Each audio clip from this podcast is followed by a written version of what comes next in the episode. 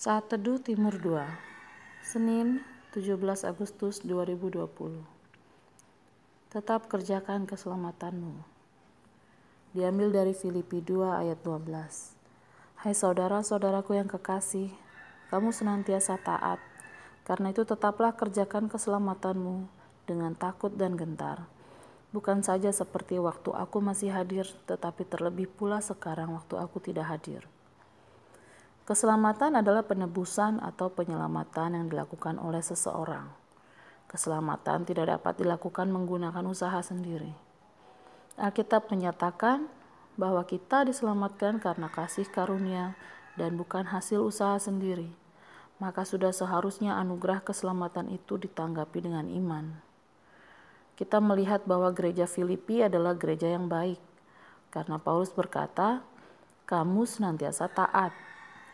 Namun sekalipun dia melihat gereja di Filipi ini baik, ia tidak segan-segan mengingatkan supaya orang Filipi lebih lagi bertekun dalam ketaatan.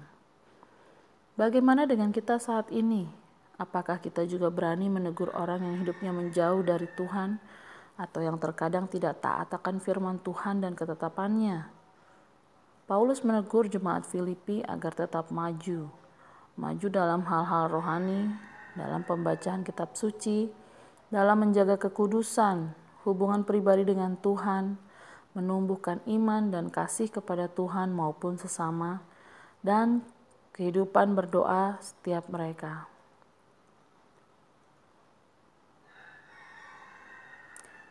Sebab Allah telah mengaruniakan hidup yang kekal kepada kita dan hidup itu ada dalam anaknya.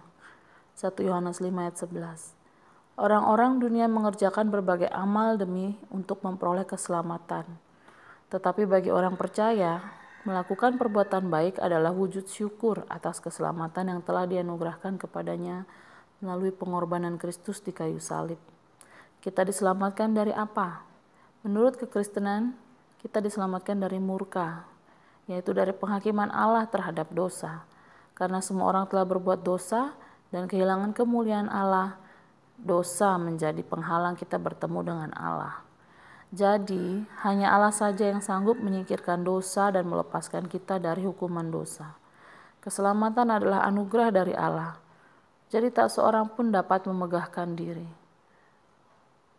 Jadi tetaplah kerjakan keselamatan kita sampai Tuhan Yesus datang kembali, karena Dia selalu ada menyertai kehidupan kita dan membawa kita dalam kemenangan. Puji Tuhan.